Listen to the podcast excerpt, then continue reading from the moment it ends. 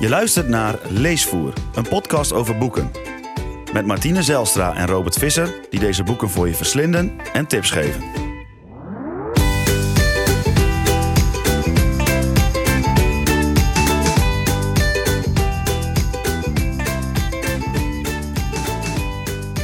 Welkom bij de achtste aflevering van Leesvoer.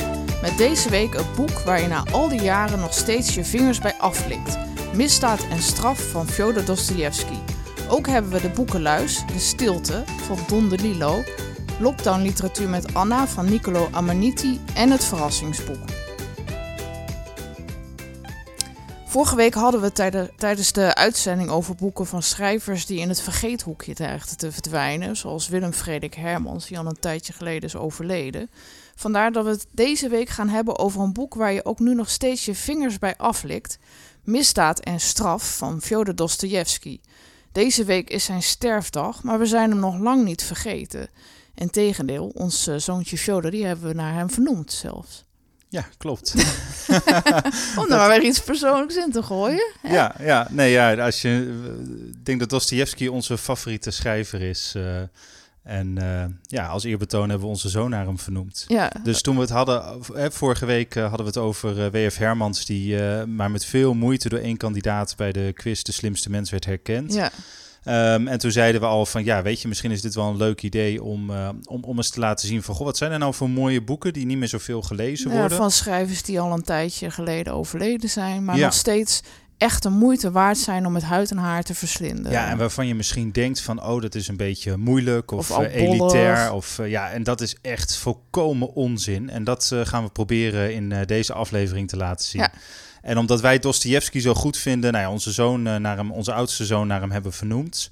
Uh, de jongste zoon, onze jongste zoon is ook vernoemd naar een schrijver. Hè? Maar dat, Ja. houden we nog even geheim. Ja. Dat doen we misschien een andere keer. Maar onze oudste zoon is naar uh, Dostoevsky vernoemd. En uh, ja, we gaan het vandaag hebben over misdaad en straf. Ja. Wat een, wat, Het wordt soms ook wel schuld en boete genoemd, maar het is hetzelfde boek. Ja. En uh, Fyodor Dostoevsky neemt je mee naar de smerige steegjes van uh, Sint-Petersburg, waar de arme student Rodion Raskolnikov eigenlijk ontzettend met zichzelf in de knoop zit. Want zijn kleren zijn tot op de draad versleten. Uh, hij zich van iedereen vervreemd. Hij zit alleen te somberen in zijn kamertje.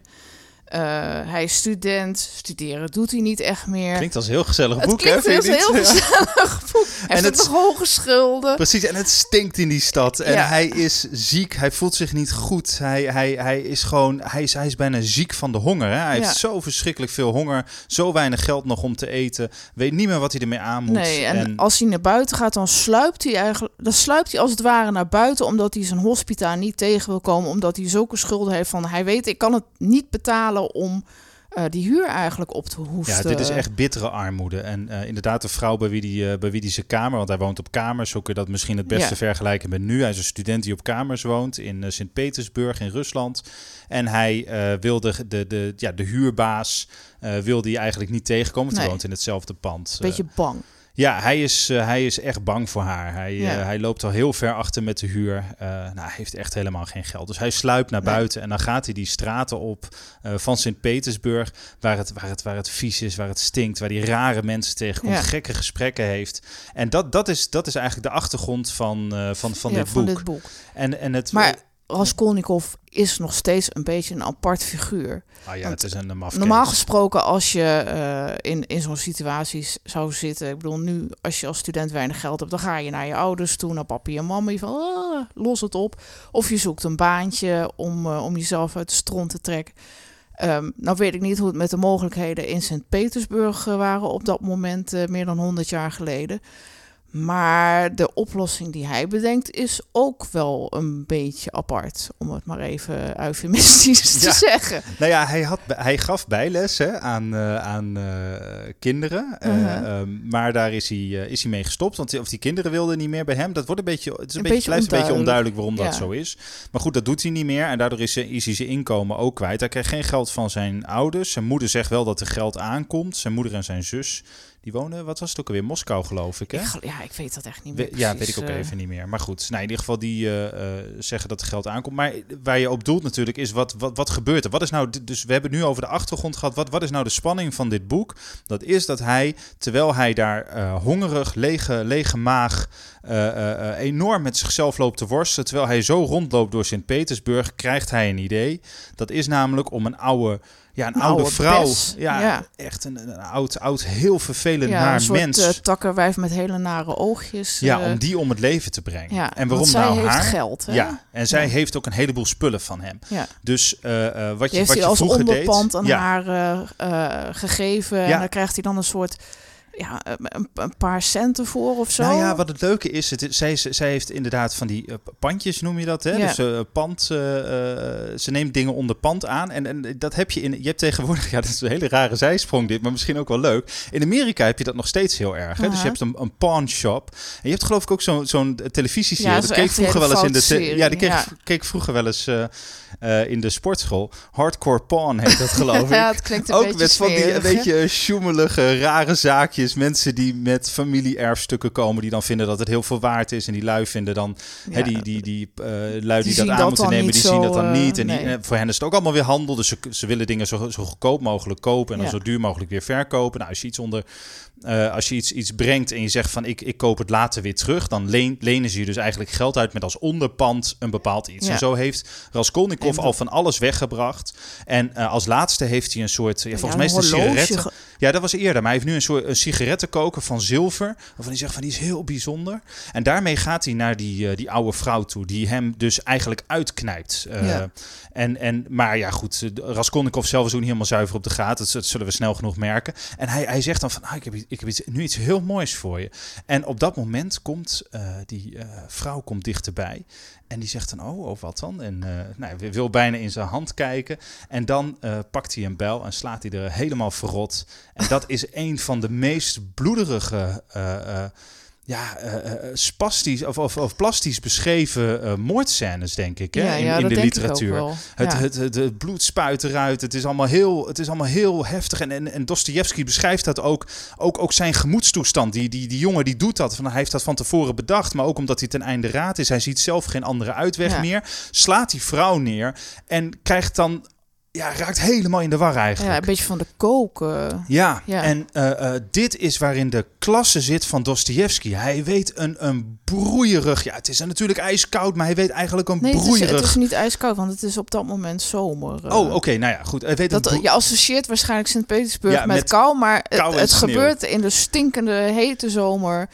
Uh, van Sint-Petersburg. Waarbij je eigenlijk er niet wil zijn omdat het er zo verschrikkelijk ruikt allemaal. Ja, maar, maar, maar Dostoevsky weet ook iets broeierigs op ja, te nee, werken. Van, van je, je, die, die jongen zit in het zweet. Jij als lezer zit eigenlijk ook helemaal in het zweet. Ja. Je denkt, wat gebeurt hier? Je wordt helemaal meegezogen. Je weet dat die moord eraan komt. Want het staat, staat verdorie ja, gewoon op de omslag. Ja, gaat ook al kijken hè, van, uh, van tevoren van uh, hoe het er allemaal uitziet. En dat hij het als ja, het ware uitstippelt van hoe ga ik dit doen? wie zitten hier allemaal? En ja, dat hij van tevoren zich ook allemaal zit op te vreten. Ga ik dit, ga ik dit nou echt doen? En maar dan gebeurt het. het en dan zit je met het zweet in de handen gewoon te lezen. Ja. Zo, zo weet Dostoevsky je gewoon dat, dat verhaal niet, bij het Het is ook nog niet klaar. Hè? Want als hij die vrouw uh, uh, naar de andere wereld heeft geholpen, dan is er nog iemand. Ja, dan uh, komt er een meisje binnen hè? Ja, en die, uh, die, die betrapt hem eigenlijk. Ja. En die brengt Daar hij dan had ook hij geen rekening mee gehouden. Nee, en dan gaat hij op zoek naar waardevolle spullen. Hij gritst eigenlijk maar wat dingen mee. Dan beginnen de gasten op de muur te kloppen, op ja. de, de, deur te kloppen van hé, hey, ik hoor geluid of ik wil Wat naar binnen. aan de hand? Ja, ja, en daar raakt hij ook helemaal van in de war. Dan gaat hij zich verstoppen, dan gaan die andere mensen hulp uh, zoeken en dan weet hij uiteindelijk te ontsnappen. Nou, waarom vertellen we dit nou?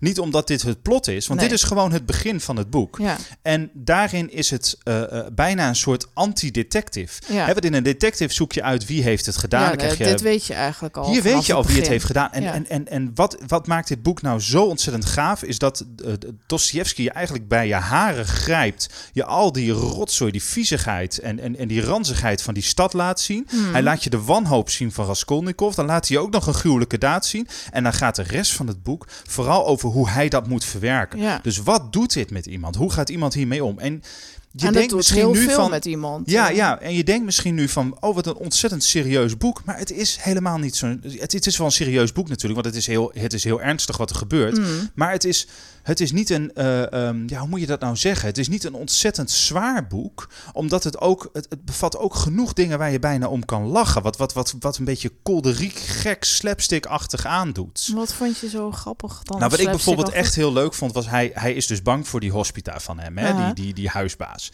Dan uh, heeft hij, hij heeft eigenlijk maar één vriend. Die heeft hij ook al een hele tijd niet gezien. Die, dat was een studievriend van. Ja.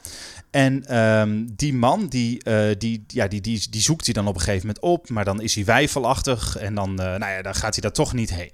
En uh, die jongen die heeft op een gegeven moment wel door dat het niet goed gaat met zijn vriend. Die komt hem dan mhm. opzoeken. Nadat hij de moord heeft gepleegd, is Raskolnikov zo in de war dat hij eigenlijk in een soort ja, in een soort uh, uh, koortsdelirium bijna ja. terechtkomt. Hè? Dus hij heeft allemaal koortsdromen. Hij kan alleen nog maar op bed liggen. Hij en komt hij op mij een beetje manisch over. Ja, ja maar wat ik, wat ik nou grappig vond, is dat hij die, die vriend van hem, dat die dan bij hem op bezoek komt en dan zegt van, nou joh, wat heb jij een fantastische huisbaas. Wat, wat, een, wat een tof wijf. Hij noemt daar gewoon, volgens mij letterlijk in het boek, een tof wijf. Fantastisch vertaald trouwens. We hebben het gelezen in de, in de Russische bibliotheek. Uh, ja, ont, ontzettend mooi.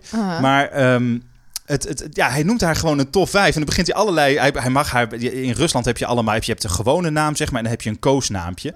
En er wordt dan een koosnaampje. Die, die, die vriend van hem gebruikt dus een koosnaampje voor die huisbaas.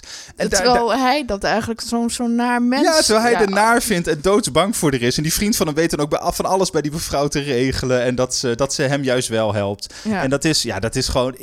Op, op zo'n moment zit je als lezer er eigenlijk ook van te smullen. Want personages in dit boek zijn allemaal heel erg anders. Ze praten anders. Je hebt, je, hebt, je hebt deftige heertjes. Je hebt arbeiders die met, met een ja, met, met, een, met, een, met een stadsdialect uh, tegen je praten. Je hebt uh, die Raskolnikov die helemaal in, in de war is. Je hebt dan hele redelijke types, maar echt van alles door elkaar. Ja. En, en uh, ambtenaren die we heel vreemd praten. Ja, ook, en je hebt soms kroegpraat. Maar, maar het leuke is dat al die mensen leven daardoor. Dit, dit, is, oh, dit is echt een, een, een boek waar, waar, de, waar de personages ademen. En, en, en, en, en soms ruik je bijna hun adem van knoflook of van drank. Of van, van een man met te veel parfum. Dus het, het zijn al die gekke dingetjes die, die dit boek zo ontzettend mooi maken. En ook de relaties die ze onderling met elkaar hebben, die zijn soms gewoon volstrekt tegen, tegenovergesteld. Zoals bijvoorbeeld dus met die, met die huisbaas. Ja. En dat is, het, dat, dat is het aardige eraan.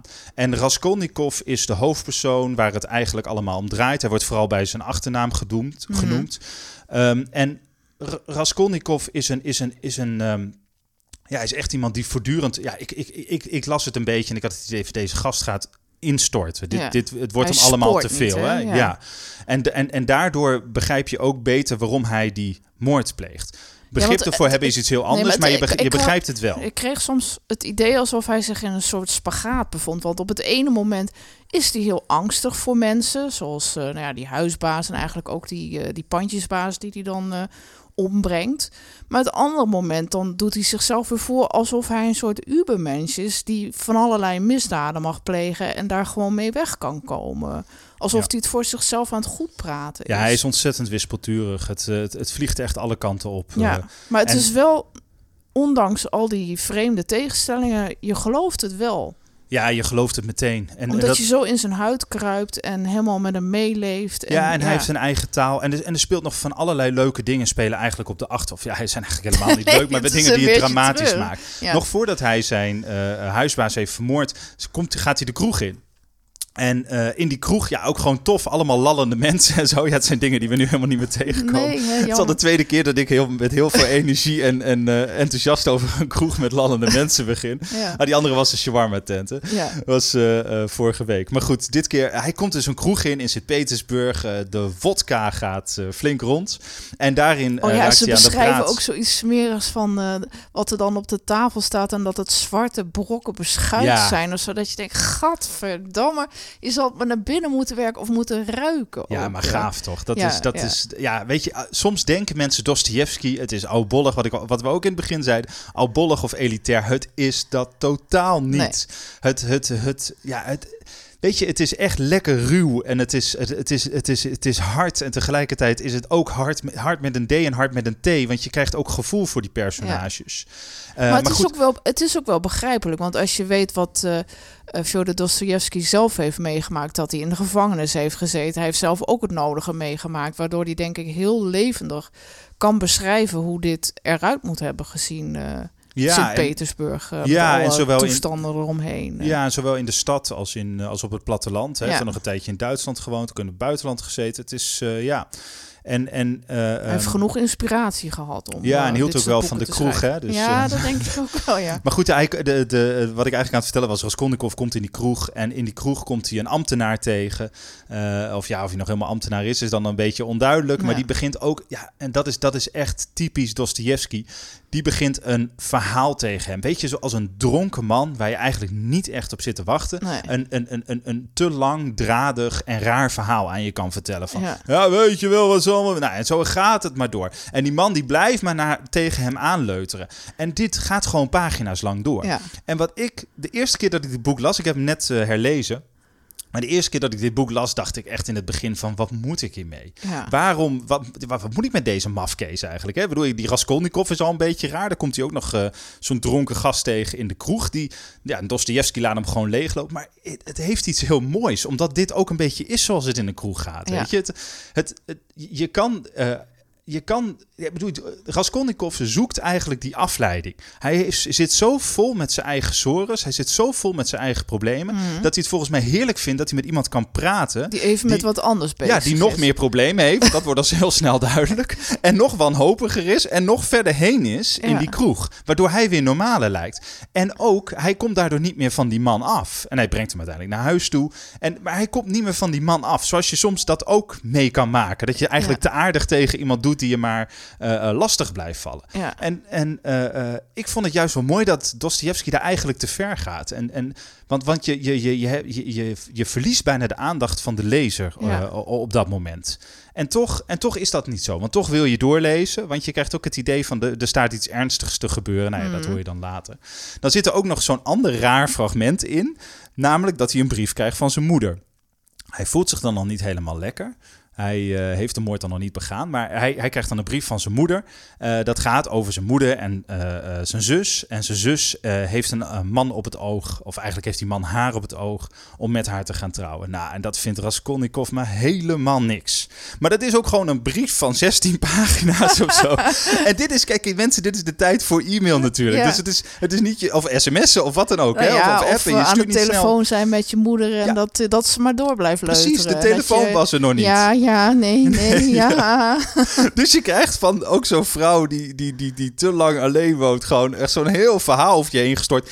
En dat, en dat vond ik dus heel gaaf. En ik zal het nog een keer benadrukken in haar eigen woorden. Uh -huh. Dus het is niet zo, alle personages praten hetzelfde. Nee, dit is echt zo'n oudere vrouw die tegen je begint aan te kletsen. En waar je ook bijna niet van afkomt. Nee. En dan begrijp je van ja, als dit de omgeving ook nog eens is van die jongen, die al niet stabiel is. En het is ook nog zo'n zo'n wonderlijke omgeving van, van mensen die hem lastigvallen met de meest gekke verhalen. En er zitten dan dus allemaal wel hele smakelijke anekdotes in. Uh -huh. Dan uh, is, het bijna... ja, is het genieten. Is het, is het voor mij echt genieten.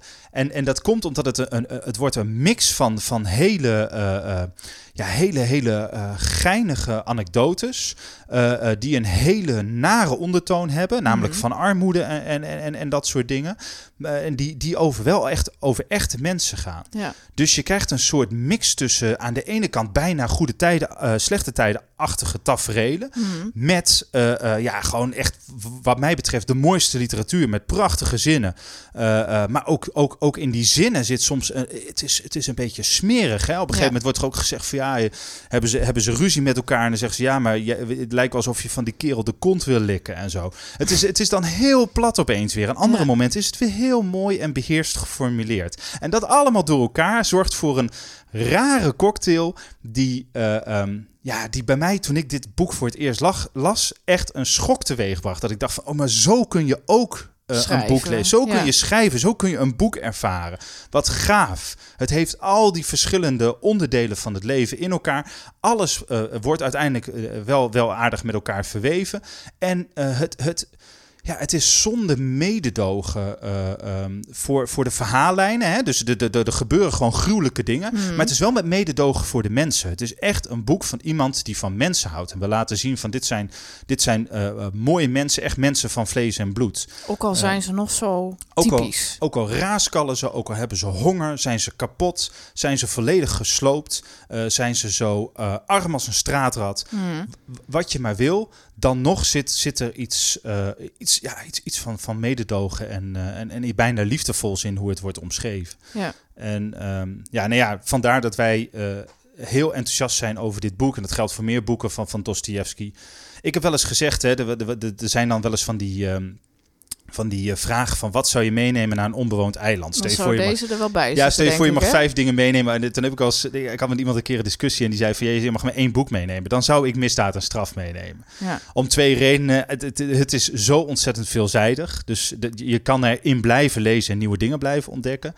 Um, en ten tweede, het is, het is vrij dik. Hè? Het is uh, ja, bent meer dan 600 pagina's. Dus, dus, je hebt ook even wat te doen. En als je het koud krijgt, kun je het altijd nog... Nee, nee, dat, dat, dat, het opstoken, ja. Nee, dat is een beetje gemeen, hè? Um, als je nog meer wil lezen, wat zou je dan aanraden om nog verder te lezen met dingen die hier een beetje op lijken? Ja, ik zou dan... Uh, um, ik, ja, een, ik zou bijna zeggen andere boeken ook van Dostoevsky. En we hebben er nog twee uh, geselecteerd die, die uh, denk ik heel leuk zijn om te lezen. Maar wel om twee hele verschillende redenen. Dus we hebben aantekeningen uit het ondergrondse. Mhm. Eh, en dat is eigenlijk een dun boek. Dus zoals, we al zeiden, dit boek is vrij dik. Aantekeningen uit het ondergrondse gaat over een uh, gepensioneerde ambtenaar die in een souterrain woont. En vanuit dat souterrain eigenlijk... De eh, wereld aanschouwt. Ja, alle, allerlei dingen ziet die in een stad gebeuren. Dus het, zit, het, zit, heel erg vol met observaties en zo. Maar die man is ook in de war. Mhm. Dus, maar dat hebben eigenlijk alle boeken van, uh, van hem wel een beetje met elkaar gemeen, toch? Als je het zo bekijkt. Ja, dat klopt. Mensen zijn wel een beetje in de war en, en, en staan op een punt in hun leven dat er echt iets aan het veranderen is. Dat er, en en uh, um, dat klinkt dan dramatisch, maar dat zorgt ervoor dat er iets op het spel staat. En omdat er iets op het spel staat, wil je eigenlijk ook verder lezen. Ben je benieuwd naar wat wat gaat er nou verder gebeuren? Er zit altijd een spanning en het is mm. ook een onderhuidse spanning. Er zit altijd een spanning in zijn werk. Ja. Um, dus dus, dus uh, aantekeningen uit het ondergrond. Dus het is een dun boekje. Het is eigenlijk een novelle, 100, uh, 150 bladzijden of zo. En uh, ja, ook, ook dat is een heerlijk eigenzinnig boek eigenlijk. Ja. Eh, het is wat dunner, dus daardoor goed te lezen. want je hebt het zo uit. Ja, het, het is, is misschien een, een mooie korte introductie op op te schrijven ook. Als je nog niet meteen zin hebt om een heel dik boek uh, te gaan uh, lezen, dan is dat misschien een, uh, een, goede aanleiding om ook eens te proberen. Ja, dat denk ik wel. En ik, ik, ik denk alleen dat misdaad en straf het, het, het de beste introductie is, omdat het je bij de strot Ja, dat vind ik ook hoor. En omdat uh, Dostoevsky zijn stijl ook heel erg is van kijk wat hier gebeurt. Ik, ja. ik, ik, ik, neem je mee echt dit verhaal in. Ik sleur je ermee in. Ja. Of je dat nou wil of niet. En je, en je wil verder Ja, er zit gewoon er zit altijd een soort spanning in, ja. vind ik. Ja. En um, ander boek, ja, dat is eigenlijk zijn, zijn andere uh, grote bekende boek, uh, De Broers Karamazov. Of Karamazov, ja, ik, weet, ik weet het eigenlijk nooit. Nee, nee, maar goed, uh, we zitten hier ook niet voor de perfecte Russische nee, uitspraak. Dat niet, nee. uh, die is nog dikker dan, ja. dan misdaad en straf. Dat, is, dat um, is meer een soort familiedrama. Ja, ja. Dat maar dan wel een hele rare familie. Ja, het gaat over een, een man die Fyodor heet en drie zonen heeft. En die drie zonen die komen allemaal weer nou, terug. Misschien nog wel meer, toch? Ja, misschien is er ook nog een vierde. Tussen ja. En zo, ja, en er is iets met die vader gebeurd. Dat wordt ook al een beetje aangekondigd in het, in het het begin. Maar goed, die, die drie zonen komen van heinde en verre weer terug. Waarom? Omdat uh, nou ja, die vader heeft, die heeft ze bij elkaar geroepen, maar die vader heeft niet echt om die zonen gedacht. Nee, dus, het is gewoon een klaploper. Uh. Ja, nou ja, nou ja, een afwezige zou dat, vader. zou hem liever niet als vader hebben, geloof ik. Nee, nee, dat sowieso niet. Dat sowieso niet.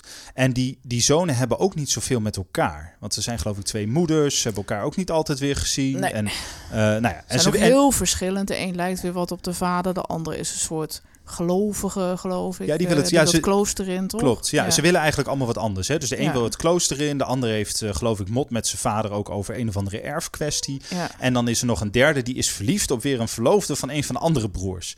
Dus, dus goede uh, tijden, slechte tijden. Ja, ja weet je, het is, het is een hele foute vergelijking. Maar ja, dit, dat weet ik. Dit, dit, dit zijn. Um, wat het, het zijn hele menselijke uh, problemen die er zijn eigenlijk. Mm. En, en Dostoevsky weet dat zo mooi te omschrijven en uh, ook lekker ruw te vertellen.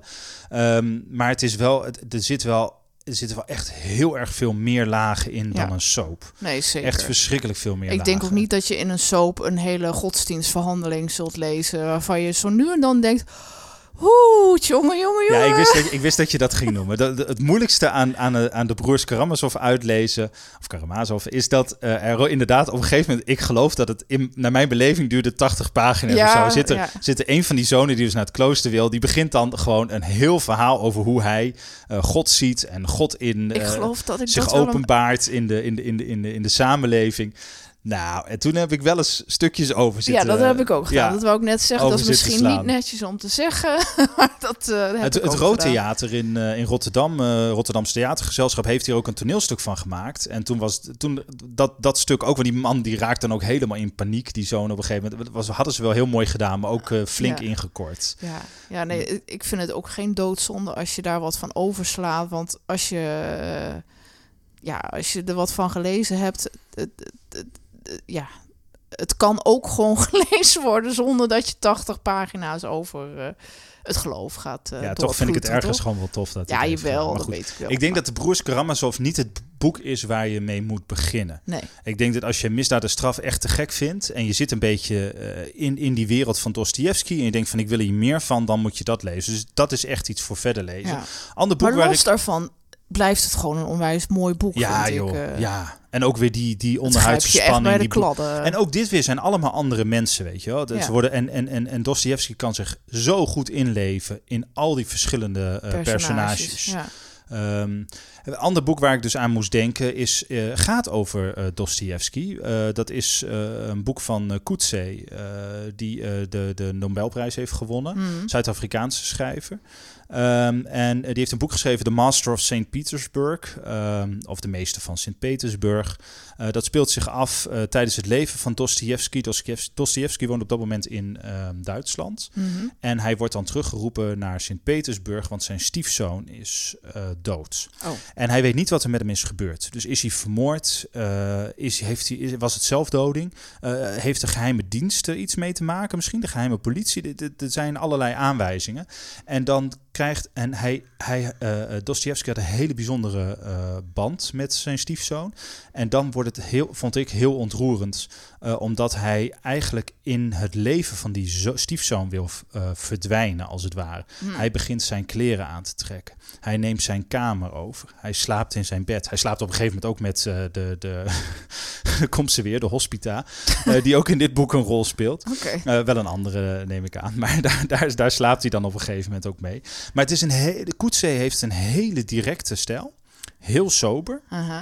Maar daardoor uh, gaat het onder je huid zitten. Dus het, het, heeft een hele andere. Koetsee heeft een totaal andere stijl dan Dostoevsky zelf. Hè? Dat is een vurige schrijver. Ja, dat is bruisend. Ja, ja, echt. Ja. ja. bruisend is een mooi woord inderdaad bij Dostoevsky. En uh, Koetsee is heel kalm. Ja, en daardoor krijgt het een onderhuidse spanning. Een, een, een, een, een ook ja. wel kenmerkend voor Koetsee, vind ik. Ja, absoluut. Waar we, waar we eigenlijk ook nog wel eens uh, aandacht aan, uh, aan, aan, mogen besteden, denk ik, uh, in de toekomst. Maar goed, de, het meeste van Sint-Petersburg is ook niet een, is niet, niet een dik boek trouwens. Maar je krijgt toch, die, je, je, je krijgt eigenlijk vanuit het oogpunt van Koetsee een soort inkijkje in, in, in, in het universum. Ja, in het leven, maar ook in het universum eigenlijk van Dostoevsky. Hm.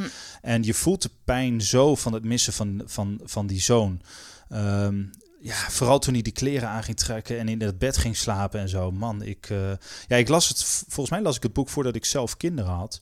Uh, maar toen al vond ik het, uh, ja, vond ik het heel schrijnend en Hmm. heel mooi. En ja, als iemand dat dan juist niet sentimenteel beschrijft, maar gewoon van dit is wat er gebeurt, Mm -hmm. dan, ja, dan, raak het je des dat. te harder aan.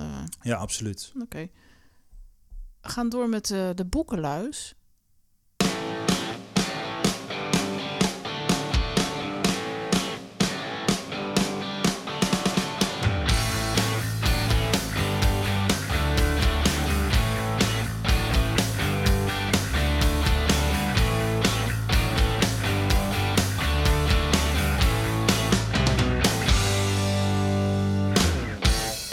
Gaan door met de boekenluis. En dat is dit keer uh, stil, De Stilte van Don DeLillo. Um, ik heb hem zelf niet gelezen, maar ik had het idee dat jij er niet echt enthousiast over was. Ja, jongens, soms heb je van die boeken die lees je en dan. En dan en dat roept bijna alleen maar ergernis op. Oh en dit is een boek waarvan uh, zeer binnenkort de uh, Nederlandse vertaling uitkomt. Uh, volgens mij volgende week al. In het Engels is hij al verschenen, heet hij The Silence. In het Nederlands dus De Stilte.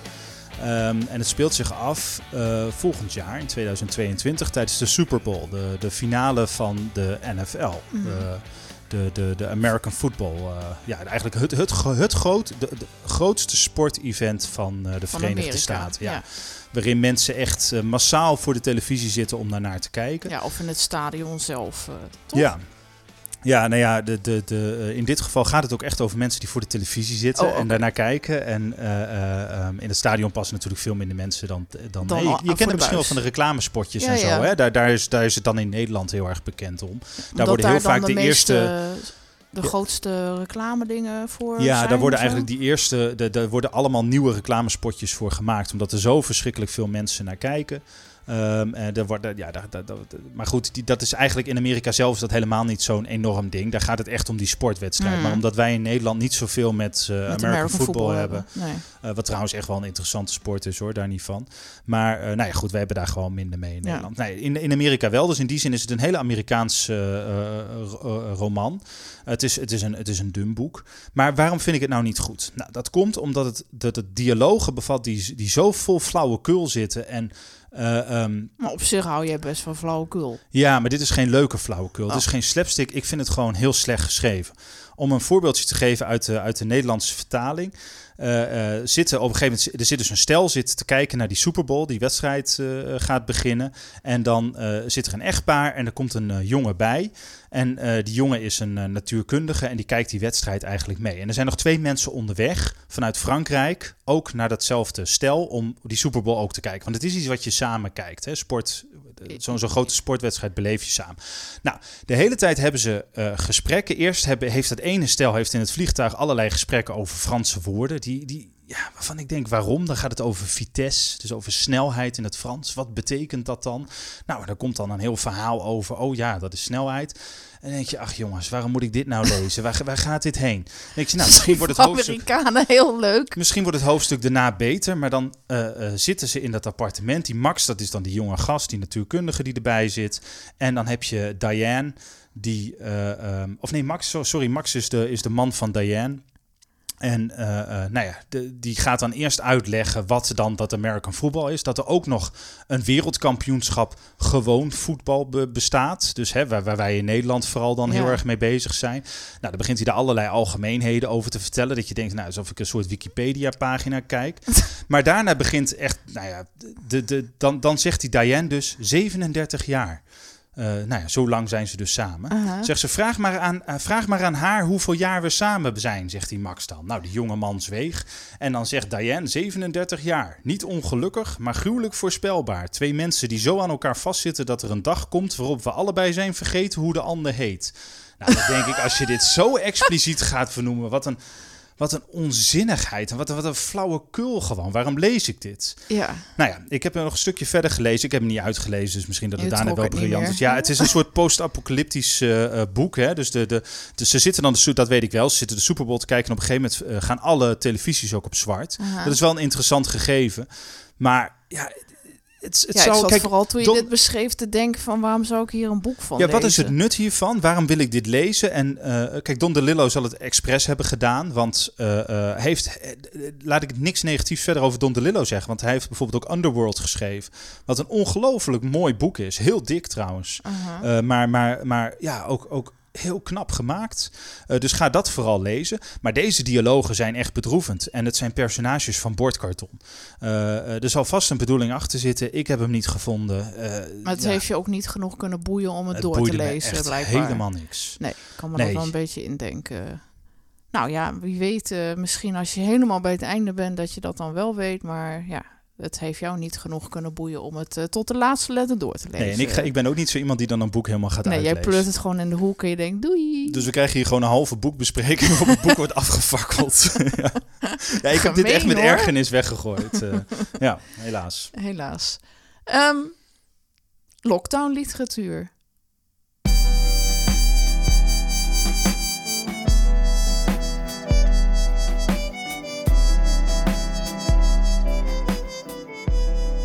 Wat gaan we dit keer doen? We gaan Anna bespreken van Niccolo Amaniti.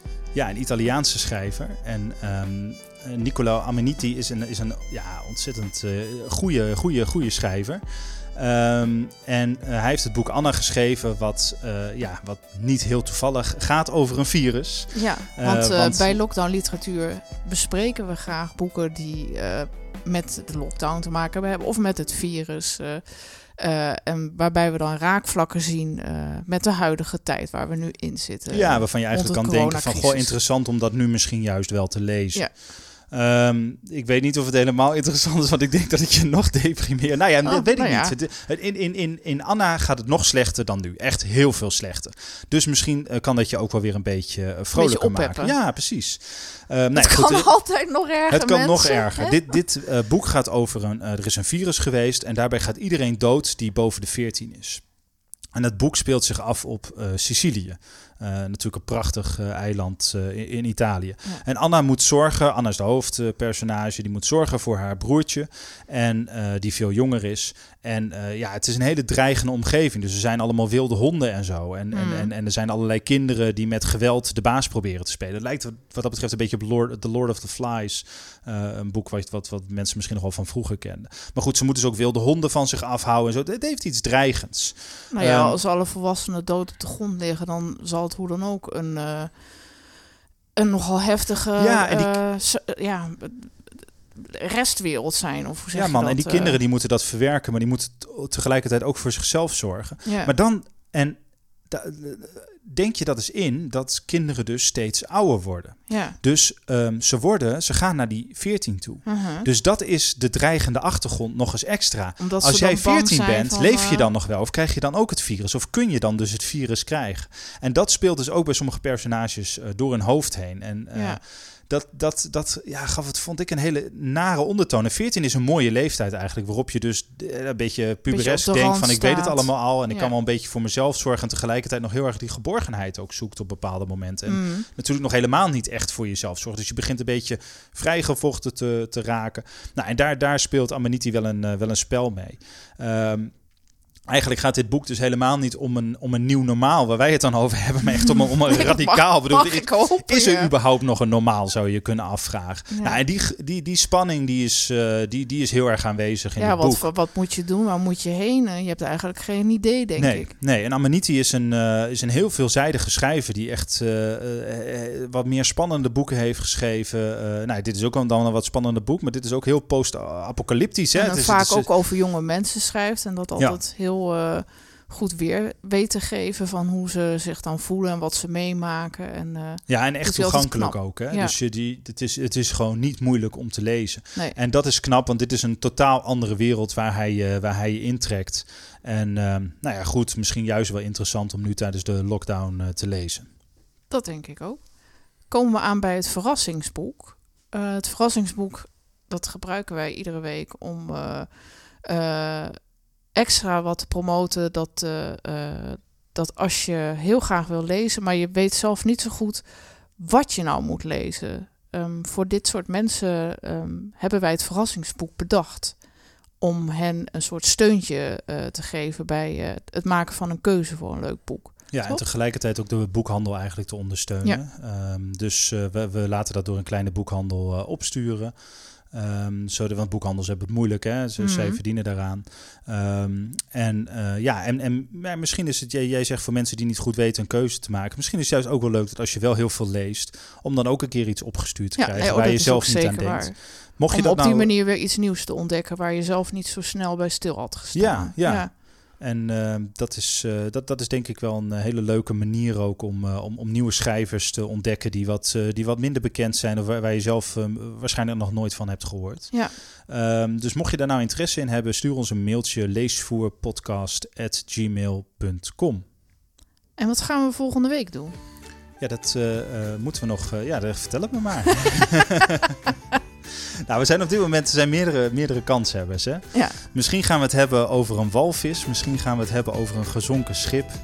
Um, het lijkt wel een beetje alsof het iets, uh, iets nautisch wordt. Iets, ja, uh, iets dat, met de zee uh, in ieder geval. En misschien gaan we ook iets doen met de Waddeneilanden. We, we laten je nog even inspannen. Ja. Je zult het volgende week horen. Bedankt voor het luisteren. Dankjewel.